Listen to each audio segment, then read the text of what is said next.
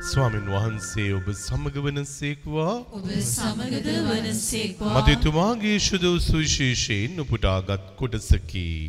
වේවා එවෙලෙහි ශ්‍රාවකයෝ ජේ ස්වාමින් වහන්සේ වෙදට අවුත් ස්වර්ග රාජ්‍යයේ ඊ타ම උතුම් වන්නේ කවරෙක් දැයි ඇසූහ. එවිට උන්වහන්සේ කුඩා දරුවෙකු මේ තමන් වෙත කැඳවා ඔවුන් මැද සිටුවා මෙසේ වදාළ සේක. සැබවින්ම මම ඔබට කියමි.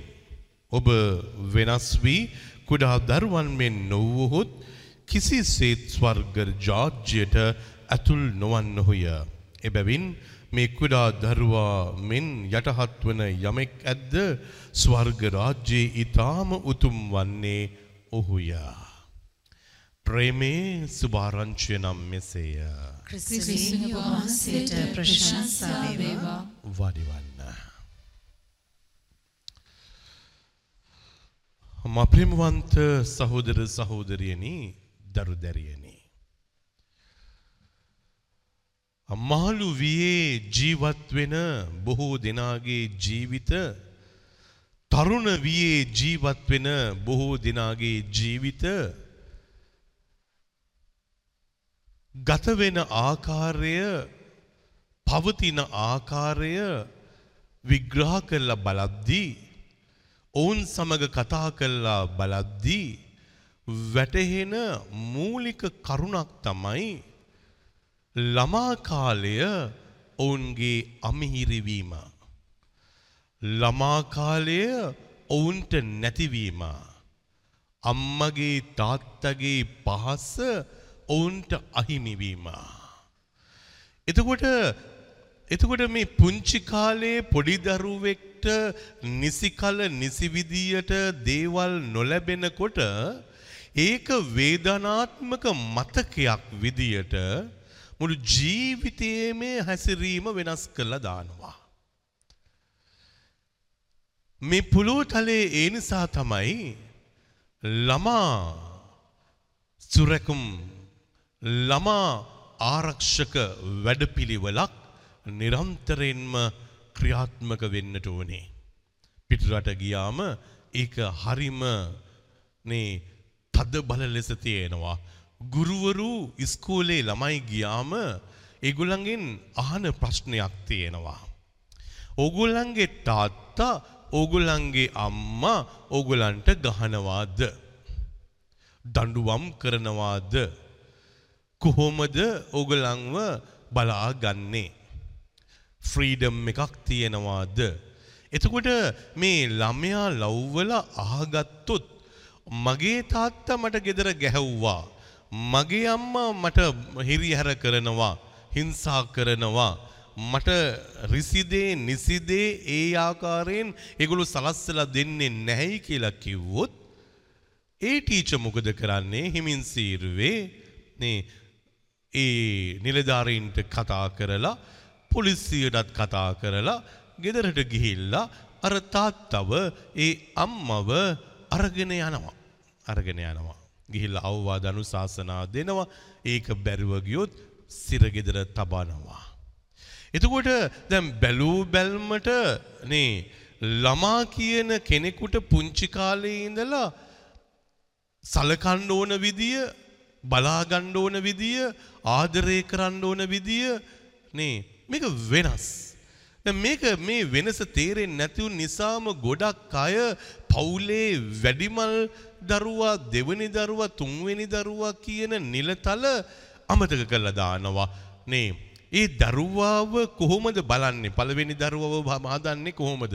දෙවෙනි දරුවව හදන්නේ කොහොමද? තුන්වෙනි දරුවව හදන්නේ කොහොමද? හත්වෙනි දරුවව හදන්නේ කොහොමද?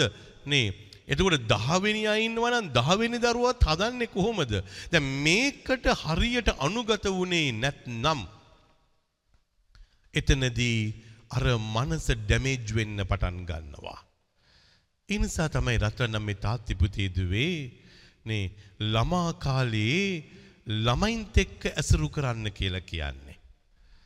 ළමයෙක් පුංචි දරුවෙක් වැඩිහිටියන් ඇසුරු කරන්න ගත්තොත් වැඩිහිටියන් විදියට තමයි හිතන්න පතන්නේ යන්නේ. සමහර වෙලාවට කියනවනේ කසින්ලා තෙක්කනේ මම ඉන්නේ කියලා. හැබැයි කසින්ස්ලා ඊට වඩා වයසයි මුහුකුරා ගිය අය. අර ළමයා මොකද කරන්නේ ටික දවසක් යනකොට අර කසින්ස්ලා වැඩිහිටියෝ විදියට තමයි තීන්දුව ගන්නෙ හැසිරෙන්න පටන් ගන්නෙ.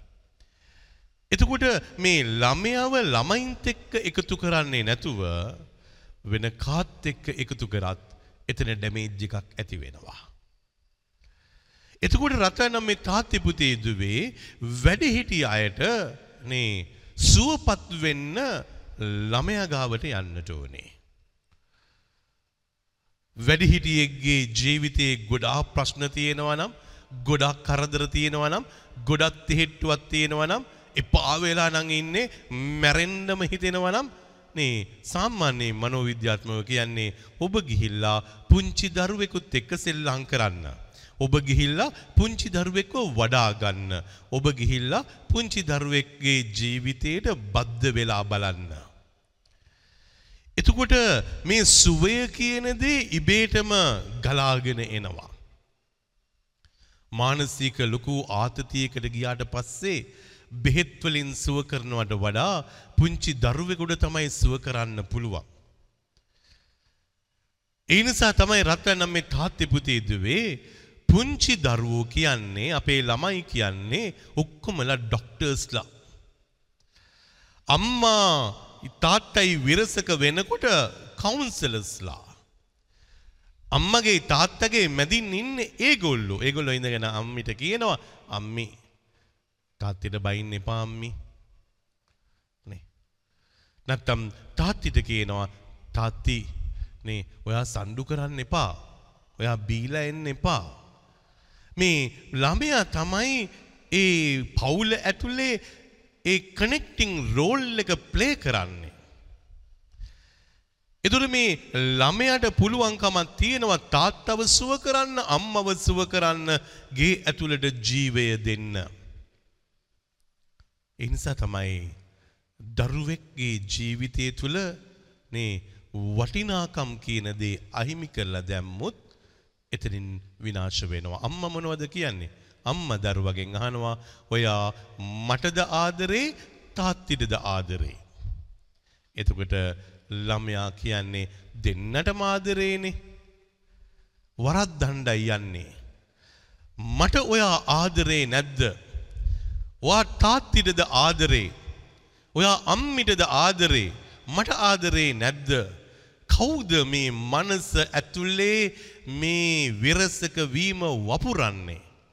අම්මා තාත්තා නේ ඒ නිසා තමයි ළමයින්ගේ අධ්‍යාපනය කරගෙන කරගෙන යනකොට ඉස්කෝලේ එක පාට මේගොල්ලන්ගේ ලකුණු අඩු වෙනවා. ළමයින්ට ඔළුව කැක්කුම වැඩි වෙනවා. ඒගොල්ලන්ගේ ඉරගිවල මෙන්සස් හැදෙනවා. ගැහැණු ළමයි නම් කාර්ය පිරිමි ළමයි නම් කාර්ය බලාගත් අතේ බලාගෙන ඉන්නවා. එතකොට නේ ගුරුවරු අහනවා මොනවද අහන්නේ? අම්මයි තාත්තයි අතර මොනවා හරි ප්‍රශ්නයක්ද ගෙදර? විරසක වීමක්ද? නේ සණ්ඩු කරනවද? කෑ ගහ ගන්නවද? අඬනවද? නේ කරදරයිද? ආර්ථික ප්‍රශ්නද? මේ ගේ ඇතුලේ තියෙන ප්‍රශ්නය මේ දරුවගේ ජීවිතයෙන් තමයි එළියට එන්නේ. අම්මටයි තාත්තටයි ඕන තරම් බැනගන්න සණ්ඩු කරගන්න පුළුවන්. හැබැයි ළමයා ඒ වෙලාවේ වචනයක්වත් කියන්නේ නැහැ. පැත්තකට වෙලා ඉන්නවා. හැබැයි ඒ ඔක්කොම යටි මනසට වේදනාවක් වගේ ඇතුළට ඇතුල් වෙනවා. එතකොට දෙමෝපියෝ කියනවා මේගොල්ලන්ට මොන අඩුවක්ද ෆාද මොන අඩුවක්ද? අපි කන්න දෙනවා ඉඳුම් හිටුම් දීලා තියෙනවා ඉල්ලන හැම දෙයක්ම දෙනවා ආස කරන දේවල් දෙනවා. ඔක්කොම දීලත් ඇයි මේ දරුවන්ට නේ අපේ ජීවිතයේ තියෙන කැපවීම තේරෙන්නේ නැත්තේ? මුළු මුළු ජීවිතයම කැප කරත්. අර දරුවගේ යටි මනසට දාන තුවාලය සුව කරන්න ඒ අම්මට බැරුව යනවා ඒ තාත්තට බැරුව යනවා ඒ නිසා තමයි රත්තරනම් මේ තාත්ති පුතේ දුවේ නේ තුවාල සුව නොවුන දරු පිරිසක් අනාගතයේදී වැඩිහිටියන් බවට පත් වෙලා මේ සමාජයේ ඇතුලේ ගොඩාක් ව්‍යසනයන් ඇති කරලා දානවා. දෙමව්පියෝ හරි ඉක්මනටම කියනවා පුතා කුඩු ගහවුවා. දුව කුඩු ගහනවා. නේ ගංජ බොනවා. එහෙම තමයි කියන්නේ. ඇයි එහෙම කරන්න පටන් ගත්තේ? එතකොට කියනවා ෆාදර් දන්න හොඳ තැනක් තියෙනවද? ළමයිව ගිහිල්ලා දාන්න. මං කියන්නේ හොඳම තැන තමයි ගේ. gedara තියාගෙන සුව කරගන්න බැරුව ගියොත් ලෝකේ කොහේ යවුවත් සුව වෙන්නේ නෑ දරුවා. අම්මා කියන පදවිය අහිමි කරලා තාත්තා කියන පදවිය අහිමි කරලා මේ දරුවට කියනවා නම් කාරිය හොඳ වෙලා ඉන්න පුතේ කියලා හොඳ වෙලා ඉන්න බෑ. තාත්තගේ රෝල් එක මිස් වුණාට පස්සේ මිස් වුණා. අම්මගේ රෝල් එක මිස් වුණොත් ඒක මිස් වුණා. ඒ නිසා මම දන්නවා සමහර වෙලාවට පුංචි කාලේ ළමයින්ව හදාගන්න කියලා නැන්දලට දෙනවා මාමලට දෙනවා ආච්චිලට දෙනවා. ඊට පස්සේ නැත්තම් නේ බෝඩිමක දානවා කොන්වන්ට් එක දානවා හොස්ටල් එක දානවා. ඒ හැමතැනම දානවා. ඒගොල්ලෝ ඉගෙන ගත්තා. ඒගොල්ලෝ ලොකු නෝනලා වුණා. හැබැයි ඒගොල්ලන්ගේ ජීවිතේ තුවාල තාමත් සුව වෙලා නැහැ. ඒ නිසා ඒගොල්ලන්ගේ ඇස්සල කඳුළු තාම වේලිලා නැහැ. ඒ නිසා තාමත් අඬනවා, තාමත් දුක් විඳිනවා, තාමත් මානසික චිත්ත පීඩනයන් වලට යනවා. තාමත් මේ මොහොතේදී වයෝද්‍ර වුණත් වයසට ගියත් නේ ළමා කාලයේ මතක් වෙච්ච ගාම හෝගාලා අඬනවා. තුවාල අපි හිතනවා හොඳ එඩියුකේෂන් එකක් දුන්නනේ. හොඳ ෆෝමේෂන් එකක් දුන්නනේ. මම ස්වාමි කෙනෙක් වෙන්න ඒලෙවල් කරලා තමයි ගියේ. ඒලෙවල් කරලා ස්වාමි කෙනෙක් වෙන්න ගියාම සෙමනේරියේ අපි හිතාගෙන ඉන්න ස්වර්ගයේ නෙමෙයි. ඒක ඇතුලේ තියෙන ඒ හැලහැප්පීම්ත් එක්ක යන්න ඕනේ හැලහැප්පීම්ත් එක්ක යන්නට ඕනේ. මට හිතිච්ච දේ තමයි අටවෙනි පන්තියට පුංචි දරුවෙක් ආපුවාම එයාගේ මනසට ඒක දරාගන්න පුළුවන් වේවිද මේ හැලහැප්පීම ඔක්කොම ඇත්තයි ඩිසිප්ලින් එකයි ඉංග්‍රීසි ඉගෙන ගන්න පුළුවන් නේ එතකොට තමාගේ ළමා කාලේ අර අයිස්ක්‍රීම් එකක් කන්න ඕනයි කියපුවම කහ ගන්න විදියක් නැහැ. යෝගට් එකක් තිබුණා නම් අද හොඳයි අම්මී කිව්වත් ඒක හොඳ වෙන්නේ නැහැ. ගොඩක් දේවල් අහිමි කරලා අහිමි කරලා ඩිසිප්ලින් කරලා තමයි මේ ෆෝමේෂන් එකෙත් ගේන්නේ.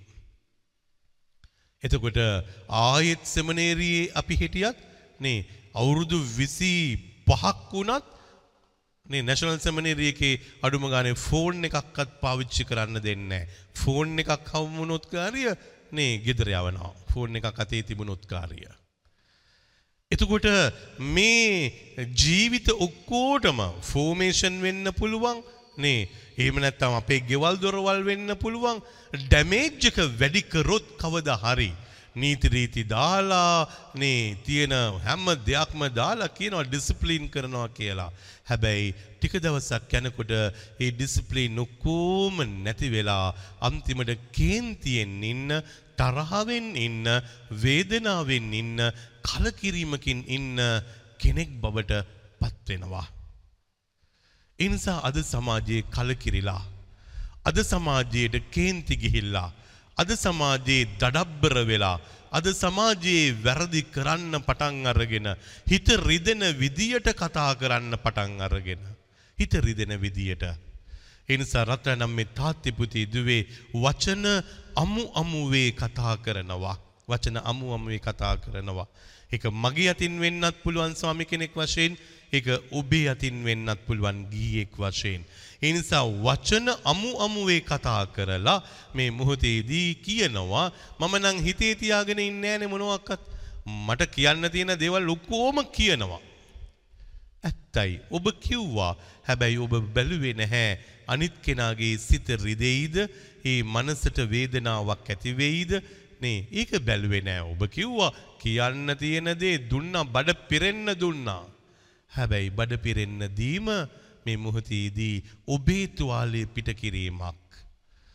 එනිසා රත්නම් මේ තාත්තිපුතේ දුවේ තුවාල වෙලා ඉන්න අපි ඒක අවස්ථාව බලාගෙන ඉන්නවා කොයි වෙලාවේද ඒක පිට කරලා දාන්න කියලා. එක තමයි ඩේන්ජර් එක. හැසිරීමේදී හැම වෙලාවෙම ඇබ්නෝමල් හැසිරීමක්. ඔක්කොම hina වෙනවා නම් hina වෙන්නේ නැහැ. ඔක්කොමලා ඉඳගෙන ඉන්නවා නම් ඉඳගන්නේ නැහැ. ඔක්කොම හිටගෙන ඉන්නවා නම් නේ හිටගෙන ඉන්නේ නැහැ. ඔක්කොම කෑම කනවා නම් ඔක්කොමත් එක්ක කෑම කන්නේ නැහැ. ඔක්කොමත් එක්ක ගමනක් යනවා නම් විනෝදයෙන් ඒ විනෝදය ඒක භුක්ති විඳින්නේ නැහැ. හැම වෙලාවෙම පෙන්නනවා මම දුකින් ඉන්නේ මම වේදනාවෙන් ඉන්නේ මම ප්‍රශ්නත් එක්ක ඉන්නේ මාව ගණන් ගත්තේ නැහැ මට කතා කරේ නැහැ මාව බලාගත්තේ නැහැ මට සලකන්නේ නැහැ මගේ ජීවිතය මේ විදියට තමයි කරන්නේ කියලා කොහෙදද ඒක එහෙම වෙන්නේ අර තමාගේ තුවාලය හැම වෙලාවෙම එළියට දානවා තුවාලය එළියට දාලා පෙන්නනවා මම තුවාල විච්ච කෙනෙක් කියලා ඒ නිසා තමයි විවාහ ජීවිතය ගොඩක් අමාරු. තුවාල වෙලා ඉන්න කෙනෙකුට විවාහ වෙලා ඉන්න මොහොතේදී අනිත් කෙනාව රුස්සන්නේ නැතුව යනවා. නුරුස්සන ගතිය හැම වෙලාවෙම එළියට එනවා. ඒ නිසා තමයි හැම වෙලාවෙම කියන්නේ විවාහයකට චයිල්ඩ්හුඩ් එක බලන්න.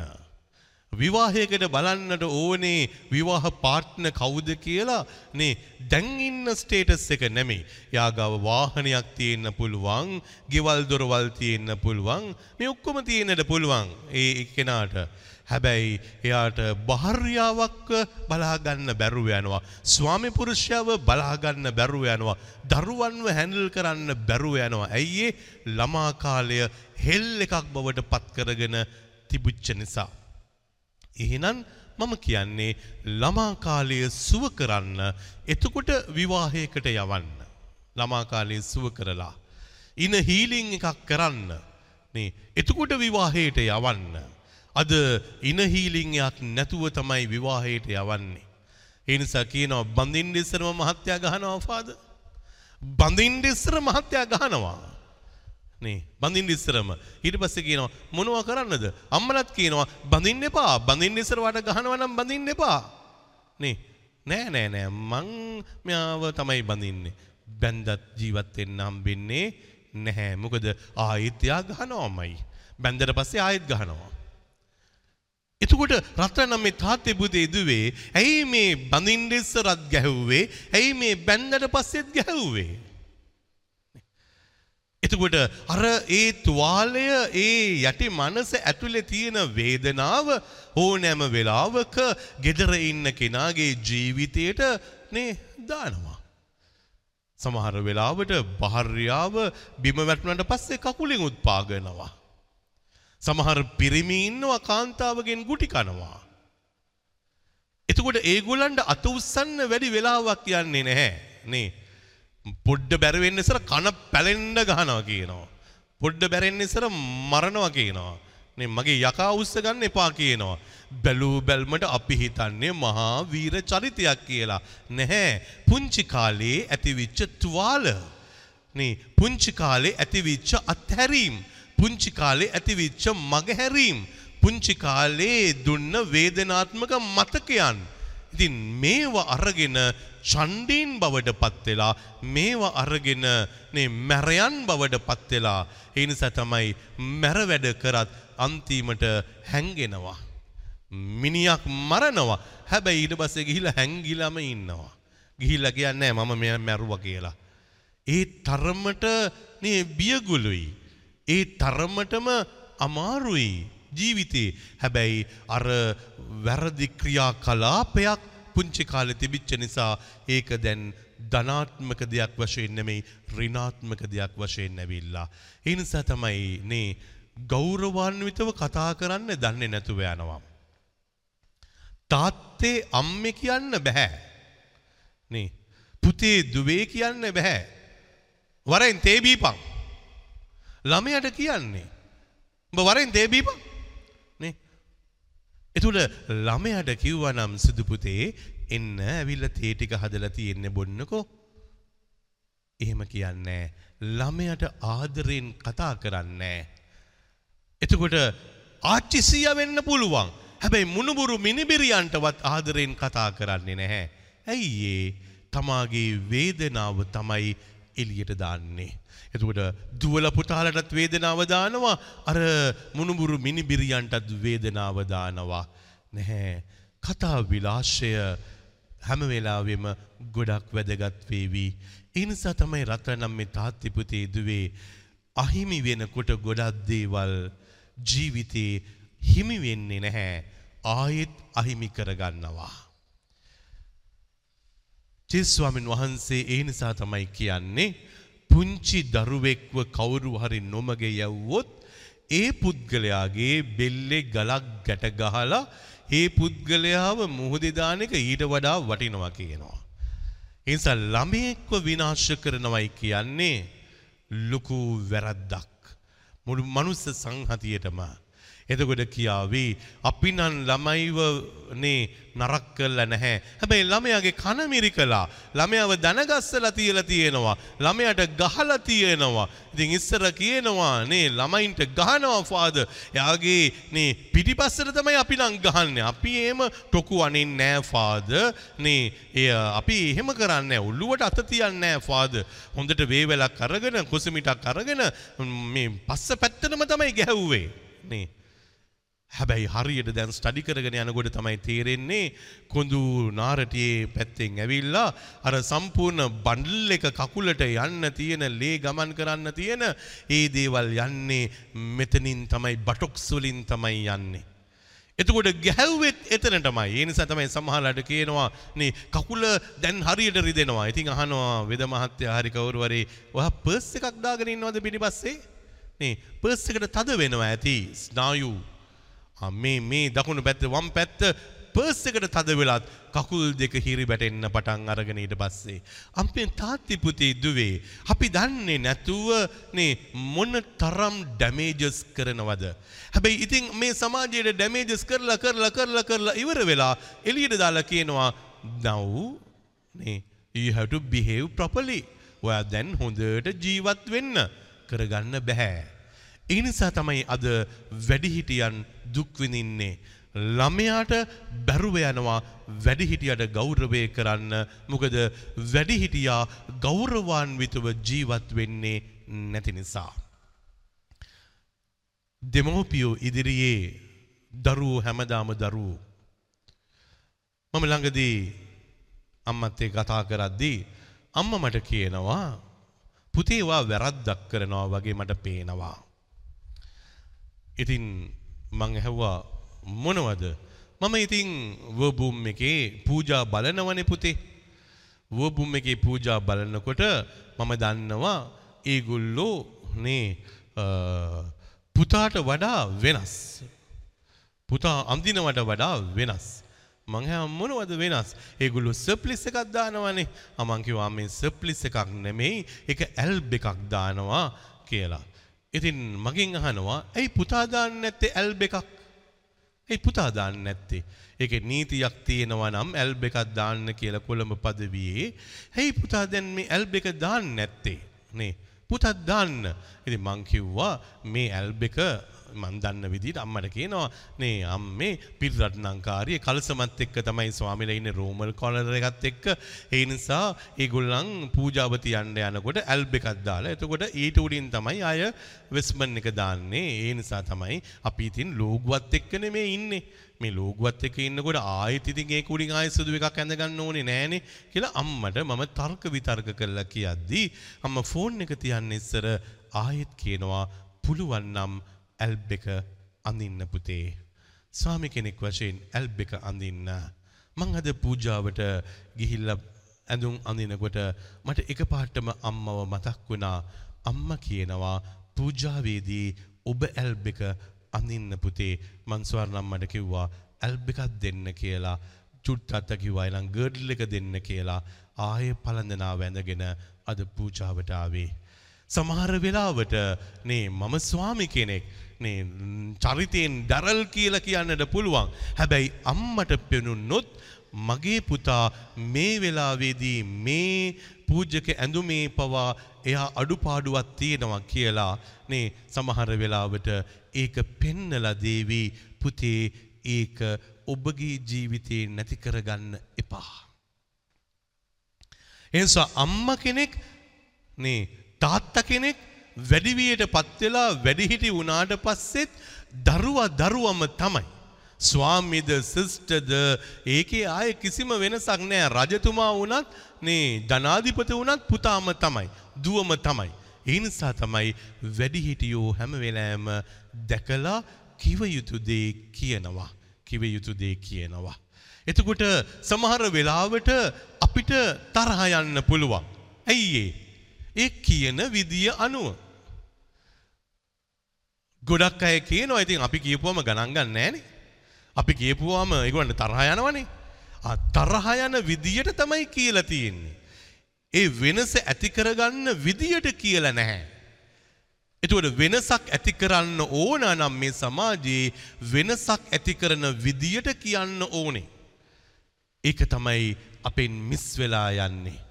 අපෙන් මිස් වෙලා යනවා අපි හිතෙනවා අපිට ඔතෝරිටි එකක් තියෙනවා අපිට බලයක් තියෙනවා අපිට ශක්තියක් තියෙනවා අපිට අයිතිවාසිකමක් තියෙනවා. ඒ නිසා මට පුළුවන් අන කරන්න. අන කරාට පස්සේ ඒවා හරියට සිදු වෙන්නේ නැහැ. මං ඊයේ දවසේදී නේ පුංචි දෝනියෙක්ව බය ගැස්සුවා. ඒ කියන්නේ කිව යුතු දේ ඇත්ත නොකියා හොඳ දෙයක් තමයි ඒ වෙලාවේ ඒක මං කරන්නට යන්නේ හැබැයි මම ඒ හොඳ දේ කියන්නේ නැතිව මම නේ වෙනම පිච්චර එකක් දුන්නා බයගස්සන පිච්චර එකක් දුන්නා. මේ බයගස්සන පිච්චර එක දුන්නම මම හිතුවා මාර ත්‍රිල් එකනේ මම බය වෙන විදියටම මේ ඇත්ත කියන්නේ නැතුව ඒ ආට අවශ්‍ය කරන හැඩතල ඔක්කොම මං කියලා දැම්මා. හැබැයි ටික වෙලාවක් යනකොට මත් දැක්කා දාඩිය දානවා වගේ නේ. එතකොට අන්තිමට මං කිව්වා මේක තමයි ඇත්ත මේක තමයි මට කියන්න ඕන උනේ. එතකොට ඒ දරුවා කියපු දේ තමයි අනේ කවදාක්වත් මෙහෙම බයගස්සන්න එපා. කවදාක්වත් බයගස්සන්න එපා. මට ඒ මොහොතේදී ලොකු දුකක් ලැජ්ජාවක් ඇති වුණා. දැන් අපි මනෝවිද්‍යාව මේ සමාජ විද්‍යාව ආධ්‍යාත්මික භාවය මේ ඔක්කොම කතා කරලා එක නිමේෂයකින් ළමයෙක්ව කොහොමද බයගස්සන්නේ. එතකොට රත්‍රනම් මේ තාත්තේ පුතේ දුවේ පොඩ්ඩක්වත් හිතුවේ නැහැ. ඒ බයගැස්සීම ඒ දරුවගේ ජීවිතයට නරකයි කියලා.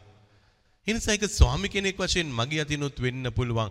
ඔබේ අතින් වෙන්න පුළුවන්. ඒ නිසා තමයි වුණොත් වැරද්දක් ඒ වැරද්ද අපි කවදා හරි හදා ගන්නට ඕනේ. එදාට නේ ආයෙත් අපි කොන්ෆිඩන්ස් එකක් දෙන්නට ඕනේ බය වෙන්න එපා. මං ආයේ කවදාක්වත් ඔයාට නේ ඒ දේ කරන්නේ නැහැ. මම විශ්වාස කරපු දේ තමයි ඒ දරුවට විතරක් නෙමෙයි කිසිම දරුවෙකුට මගේ ජීවිතෙන් ආය ඒ වගේ වැරද්දක් කරන්නේ නැහැ. ඒ වගේ වැරද්දක් කරන්නේ නැහැ. එතන මනුස්ස මට්ටම තුල අපිට ඉගෙන ගන්න ඕන තරම් අවස්ථාවන් හම්බ වෙනවා. ඒ නිසා පුංචි දරුවෝ තමයි අපිට කියලා දෙන්නේ ගොඩක් වෙලාවට එහෙම කරන්න එපා කියලා. අපි සමහරලාට ගණන් ගන්නේ නැහැ. එහෙම කරන්න එපා කියපුවාම. හැබැයි කියපු දේ කරොත් නේ එතන පුදුමාකාර ආදරයක් ඇති වෙනවා. මට මතකයි මගේ තාත්තා ආස කරා විස්කි ටිකක් බොන්න බොන්නේ නැහැ. පාටියකට ගියොත් විස්කි ටිකක් බොන්න ආස කරා. සිගරට් එකක් ස්ප්‍රිතාලේ ඉඳලා පුරුදු වෙලා නේ බොන්න පටන් ගත්තා. හැබැයි මයි මල්ලි දවසක් කියපුවාම තාත්තේ නේ ඔයා සෝඩා බොන්න විස්කි බොන්න එපා කියලා එදා දවසේදී තාත්තා අපි දෙන්නටම අත් දෙක වැඳලා කිව්වේ අපිට සමාව මට සමා වෙන්න පුතේ මගේ ජීවිතේ නොගලන්ට පුංචි අවාදර්ශයක් හරි වුණා නම් සමා වෙන්න මං ආයේ කවදාක්වත් විස්කි බොන්නේ නැහැ. මම ඕනෑම තැනක සෝඩ ටිකක් බීලා ඉන්නම් කියලා කිව්වා. රත්තරන් අම්මේ තාත්තේ පුතේ දුවේ. ඒක මොනතරම් වෙනසකට ගෙනාවද? අද වෙනකන් මම නේ පූජාවේ වයින් එක ඇරෙන්න වයින් ටිකක්වත් බොන්නේ නැහැ. මල්ලි ඇමරිකාවේ හිටියත් වයින් ටිකක්වත් බොන්නේ නැහැ. එනිසා මේ තාත්තගේ වෙනස තාත්තා බීපු එකේ වෙනස නෙමෙයි. තාත්තා බීපු එකට අපින් ඉල්ලගත්ත සමාව මගේ අතින් මේ විච්ච වැරද්දට ඔගලන්ට අවාදර්ශයක් දුන්නට මේ කාල පරිච්ඡේදයේදී මට සමාවෙන්න පුතේ කියලා අත් දෙක වැඳලා කියපු ඒ දේ අපි දෙන්නගේම මුළු ජීවිතේම මත කියන එක සම්පූර්ණයෙන්ම අතහැරුණා. මත නැහැ. හිංසා කෝටියක් මිනිස්සු දුන්නත් මත මත්වෙන්න කියලා ආය මත්වෙන්නේ නැහැ. මොකද තාත්තගේ සමාව. තාත්තගේ සමාව ජීවිතේ එහෙම තමයි. දරුවන්ව වෙනස් කරන්න අපිට ලොකූ දේවල් ඕනේ නැහැ. මේ පුංචි දෙයක් forgive me මට සමාවෙන්න පුතේ මට සමාවෙන්න දුවේ කියපුවාම ඒ දරුවෝ ටික සුවපත් වෙනවා. අම්මගෙන් ඉල්ලනකොට සමාවෙන්න අම්මේ සමාවෙන්න තාත්තේ කියනකොට ඒගොල්ලෝ සුවපත් වෙනවා. ඒ නිසා මේ පොළොව තලයේ තුල මේ දරුවන්ව වැඩිහිටියන්ව අපි හරියට ආදරයෙන් බලාගත්තොත් ළමා ලෝකය වැඩිහිටි ලෝකය අපිට සුන්දර කරන්න පුළුවන්. ඉතින් මේ දේශනාව මෙතනින් ඉවරයි. ඉතින් මං කැමති දේශනාව ඉවර කරලා පුංචි ආරාධනාවක් කරන්න මේ මොහොතේදී සුපුවත් තරණේ ඉන්න හැම ළමයෙක්ම හැම එන්න ඉස්සරහට. ඉතින් මේ දරුවෝ දන්නෙත් නැහැ අද උඩට අඬ ගහනවා කියලා. මන් දන්නෙත් නැහැ උඩට අඬ ගහනවයි කියලා. නමුත් මම විශ්වාස කරන දේ තමයි දරු සම්පත කියන්නේ අපිට ලොකු සම්පතක් ලොකු ශක්තියක්. ඉතින් මේ දරුවෝ අපි ගාව ගොඩක් ඉන්නවා දරුවෝ. හැබැයි අද ඇවිදින් ඉන්න දරුවා මොකද මේක ප්ලෑන් කරලා නැති නිසා. මං ආසයි පුංචි කාලේ ඉඳලා නේ ඔබ යම්කිසි ආකාරයෙන් පන්නරයක් පෝෂණයක් ලබපු දරුවෝ. ජීවිතයට අරුතක් ලබාගත්ත දරුවෝ. මං ආසයි වචන කීපයක් ඔබෙන් අපි අහගන්න. තාත්තා කෙනෙකුට අම්මා කෙනෙකුට ඔබ කතා කරන්නේ කොහොමද ජීවිතයේ ලෝකෙට එද්දී කිසි දෙයක් දන්නේ නැහැ අපි. මේ ලෝකෙ කොච්චර අ, ලොකුද? මේ ලෝකෙ කොච්චර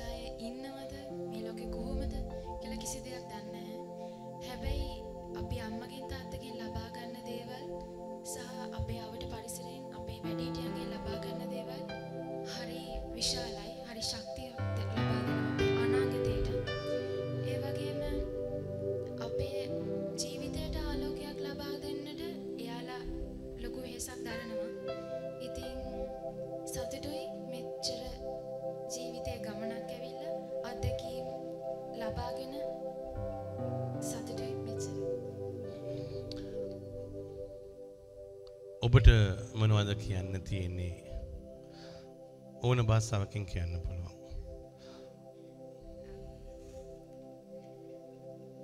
In our lives, we got everything from our parents, and thank you for all the parents. Uh, and they showed us the correct path to go. Uh, they they always guide us through our life. So thank you very much. ඔබට මොනවද හිතෙන්නේ මේ දෙමව්පියෝ කියන්නේ ඔබට කොය වගේද මගේ ජීවිතේ මම ආදර්ශරගන්න හැමතිස්සම මගේ අම්මවයි තාත්තවයි. මම කරන හැම දෙයක් පිටිපස්සෙම මගේ ශක්තිය ඒ දෙන්න. මං හිතන්නේ මේ ඉතිරින් හැමෝටමත් වගේ මේ ලෝකින් හැම ළමයටම ඒද එහෙමයි. ඒගොල්ලන්ගේ ජීවිතයේ පළවෙනි ආදර්ශය වෙන්නේ අම්මයි තාත්තයි. ඉතින් මේ අම්මගේ තාත්තගේ ජීවිතය ලස්සනයි නම් අනිවාර්යෙන් මේ දරුවන්ගේ ජීවිතයත් ලස්සන වෙනවාමයි.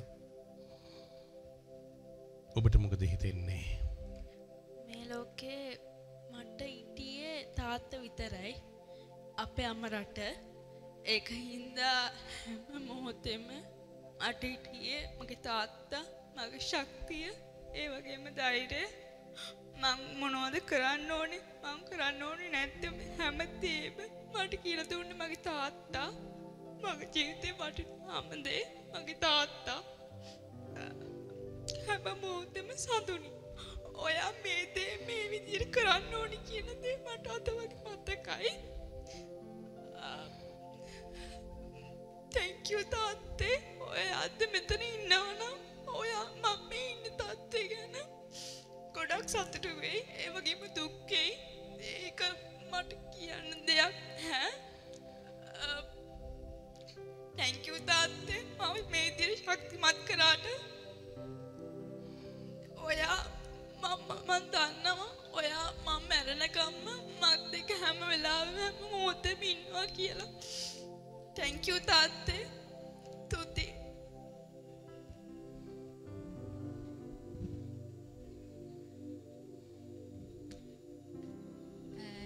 දෙමාපියෝ කියන්නේ අ, මට නම් අ, දෘශ්‍යමාන දෙවියෝ වගේ කියන්නේ අපි අ, දෙවියන් වහන්සේව අදහන්න පටන් ගත්තේ ඒගොල්ලෝ නිසා අපිට ප්‍රසාද ස්නාපනේ හිටන් කියන්නේ අපි දන්නේ නැතිම කාලේ ඉඳලා මේගොල්ලෝ අපිට ඒ දේට අපිව ලං කරා. ඉතින් අ, අපේ හැම දේකදීම කියන්නේ වැටීමකදී නැගිටීමකදී ඉන්නේ ඒගොල්ලෝ විතරයි ඉස්සල්ලාම අපිට හම්බෙන්නේ.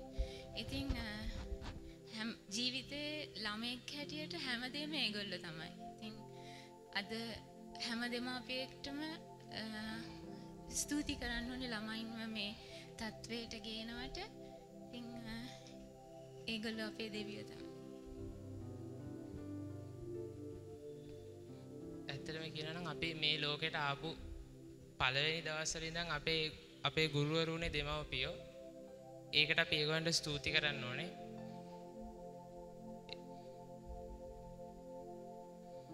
ස්තුතියි දෙමව්පියනි හැම එක්කෙනාටම.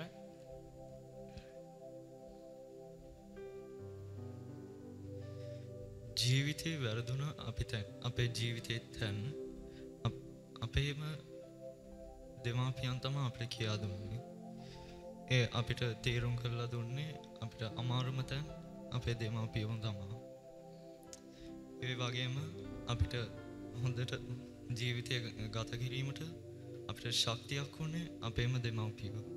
ඒකට ස්තුතිවන්තනවා අපේ දෙමව්පියොන් දෙවට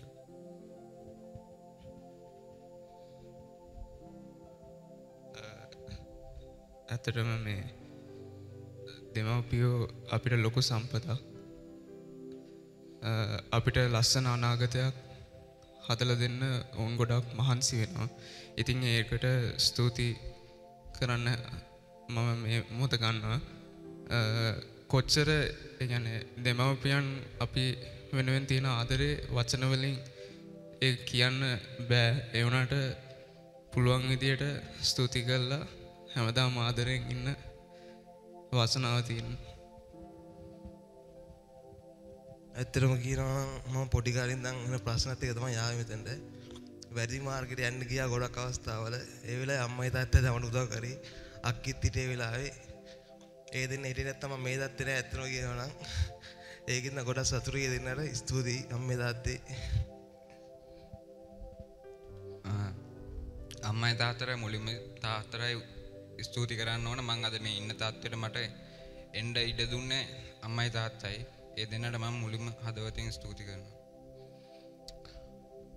ඉතින් දරුව ගොඩක් බලාගන්න අම්ම කෙනෙක් ඉන්නවා සිස්ට නිසලදිය සෙවනද ඒකේ හිර බත්කාපු දරුවෝ ගනිකා වෘති යෙදිච්ච දරුවෝ සමාජය අතහැරපු දරුව හිටියා.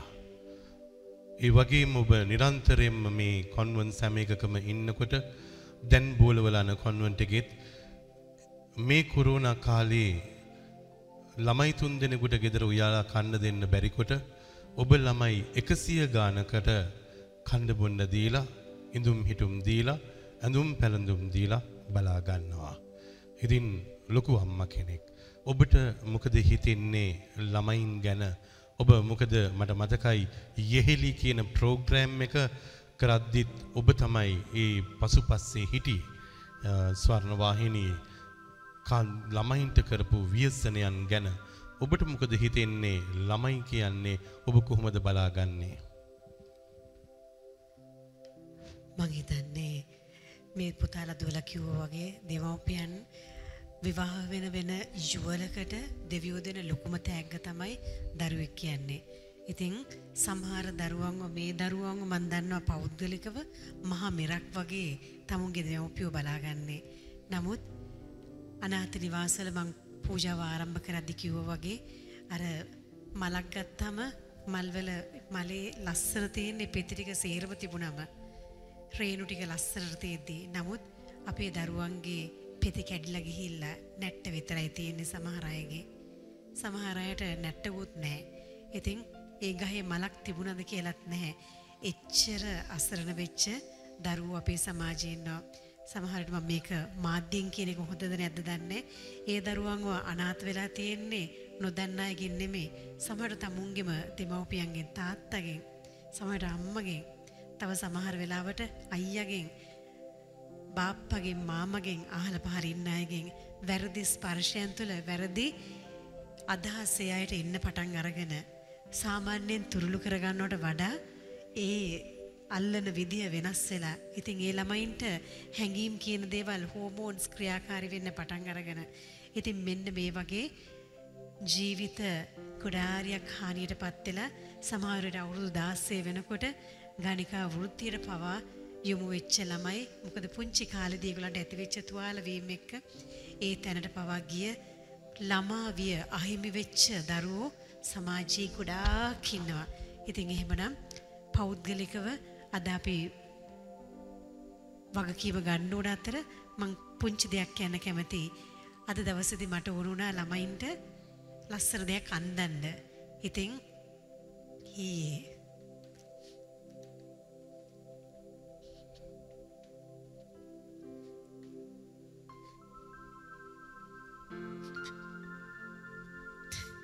ඒ ළමයින්ට ආසයි කලිසම් අඳින්න. නමුත් කලිසම් අඳින්න දෙනවට අනිත් සිස්ටර්ස්ලා ඒකට එච්චර එකඟතාවයක් තිබුණේ. ඉතින් මම කල්පනා කරා කොයි ආකාරයෙන්ද ළමෙකුට කලිසමක් අඳින්න දෙන්න ඕනි කියලා. මම යෝජනා කරා වත්තට අඳින්න කියලා. වත්තට අඳින්න කියලා ඊයේ එක සූට් එකක් මහලා දුන්නා. තවත් සූට් එකක් මහන්න මම දුන්නා. ඉතින් එතකොට සිස්ටර්ස්ලා කිව්වා වත්තර නම් කමක් නැහැ කියලා. ඉතින් මං කිව්වා අද උදේට වෙන්දට වත්තට අඳින්න. හැබැයි අද දවසේදී ඒගොල්ලන්ට අඳින්න දෙන්න කියලා. ඊයේ ඔය සූට් එක දිගහැරලා මොකද නම් ගහලා ලස්සනට බෑග්ස් වල දාලා හරි ගෞරවාන්විතව තමයි ඔය සූට් එක ළමයාගේ අතට දුන්නේ. මේ ළමයා ටික ඕක අරගෙන දිගහැරලා මං කිව්වා දිගහැරලා බලන්න කියලා. දිගහැරලා බලලා වෙච්ච සතුට මගේ ජීවිතේ තියෙන මං හිතන්නේ වින්ද සතුට වලින් ලොකුම සතුට කියලා මට හිතුණා. ඉතින් ඒ දරුවන්ට කැමති ඇඳුමක්වත් අඳින්න අවසරයක් සමහර විට අපිම දෙන්නේ නැතුව යන්න පුළුවන්. ඉතින් ඒක නිසා ඒ දරුවන්ගේ සතුට තමයි මගේ සතුට. මම මේ මොහොතේදී ආරාධනා කරනවා ජෝසප් තාත්තටත් එන්න. භාර්යාව මැරුණට පස්සේ උදේ පාන්දර හතරට නැගිටලා උයලා දරු තුන් දෙනෙක් දෙන්නෙක්ව බන්ධලා දීලා එක දරුවෙක්ව රට යවලා කොහොමද ඔබ අම්මා කෙනෙක් වුණේ ඔබ තාත්තා කෙනෙක්? ඒ වගේම අම්මා කෙනෙක් වුණේ කොහොමද? දරුවන්ට යට ඇඳුමේ ඉඳලා උඩ ඇඳුම වෙනකන් අරන් දීලා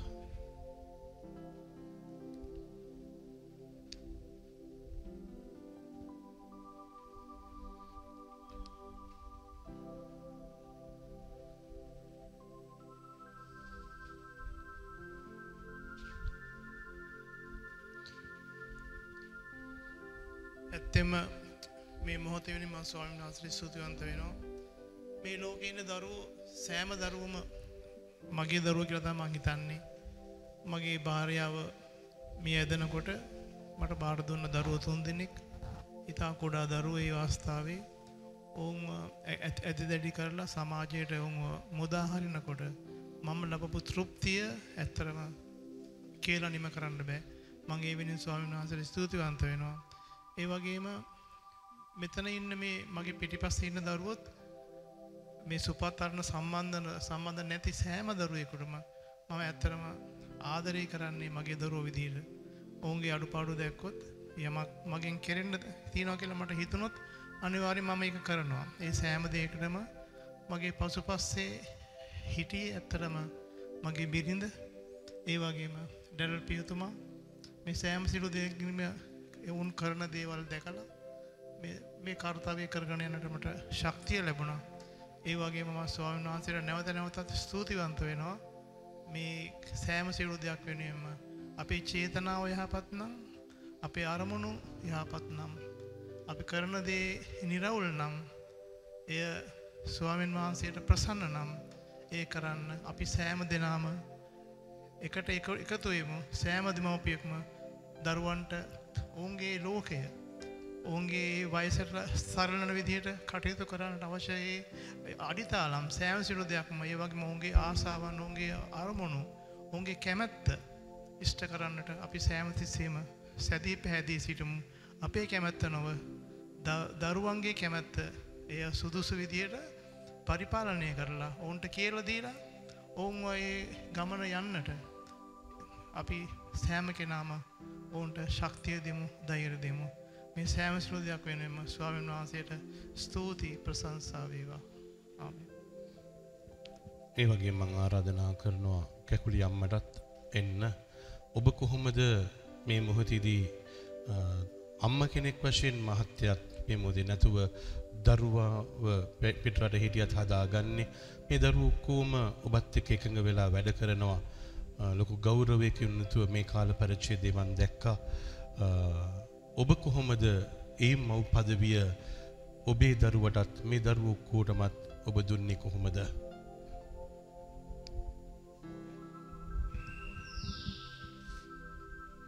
ස්තුතියි පේතමනි ජෝසප් තාත්ත කිව්වා වගේ තාත්තා කෙනෙක් මේ මොහොතේ නැතුව දුවනිව හදාගෙන යන ගාම්ම මට සුපුවත් අරනේ ඉන්න දරු පැටව් ඔක්කොම මගේ දරුවෝ.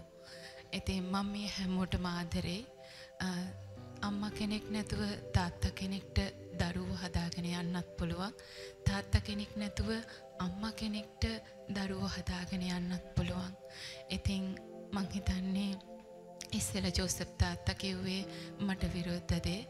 ඒ දරුවෝ තුන් දෙනා කොහොමද අම්මා කෙනෙක් නැතුව හදාගෙන ගියේ? හැඩි තැටි කළේ කියලා.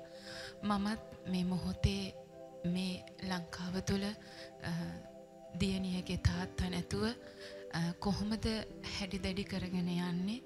ඒ වගේ මේ ලෝකයේ හැම අම්මා කෙනෙක්ටම හැම තාත්තා කෙනෙක්ටම දෙවියන් වහන්සේ ලොකු ශක්තියක් බලයක් දීලා තියෙනවා. දරුවෝ බොහොම ලස්සනට අධ්‍යාත්මිකව අධ්‍යාපනිකව ලස්සන ගමනක් අරන් යන්න මේ දරුවෝ හැමෝම මේ වේදිකාවේ දකිනකොට මං ගොඩාක් ආදරේ මේ සුපුවත්තාන්නේ දරු පැටවුන්ට මගේම දරුවෝ වගේ මට ඉන්නේ මාදාව ඉපදුණු එක දුවයි. නමුත් මේ ඔක්කොම මගේ කුසෙන් එළියට ආව වගේ මං හරි ආදරේ. ඉතින් අපි හැමෝම එකතු වෙලා මේ හැම දරු පැටියෙක්ටම ලොකු ශක්තියක් බලයක් ඒ වගේම යාඥාව තුළ ගමනක් යන්න උදව් කරමු. ස්තුතියි. ඉතින් එහෙනම් මේ අම්මලා තාත්තලා වැඩිහිටියෝ ඔක්කොටම ඇති දේවල් කතා කරලා කියන්න. ඉතින් අපි මේ මොහොතේදී දෙවියන් වහන්සේ ඉදිරියේ අපි ඉන්න අය නැගිටිමු. නැගිටලා අපේ දකුණු අත දික් කරලා මේ දරුව වෙනුවෙන් යාඥා කරමු. දරුවන්ට ආරාධනා කරන ඔබ ලංකාවේ ලෝකේ ඉන්න දරුවෝ ඔක්කොම නියෝජනය කරමින් හැකියාවක් තියෙන දරුවෝ දන ගහන්න.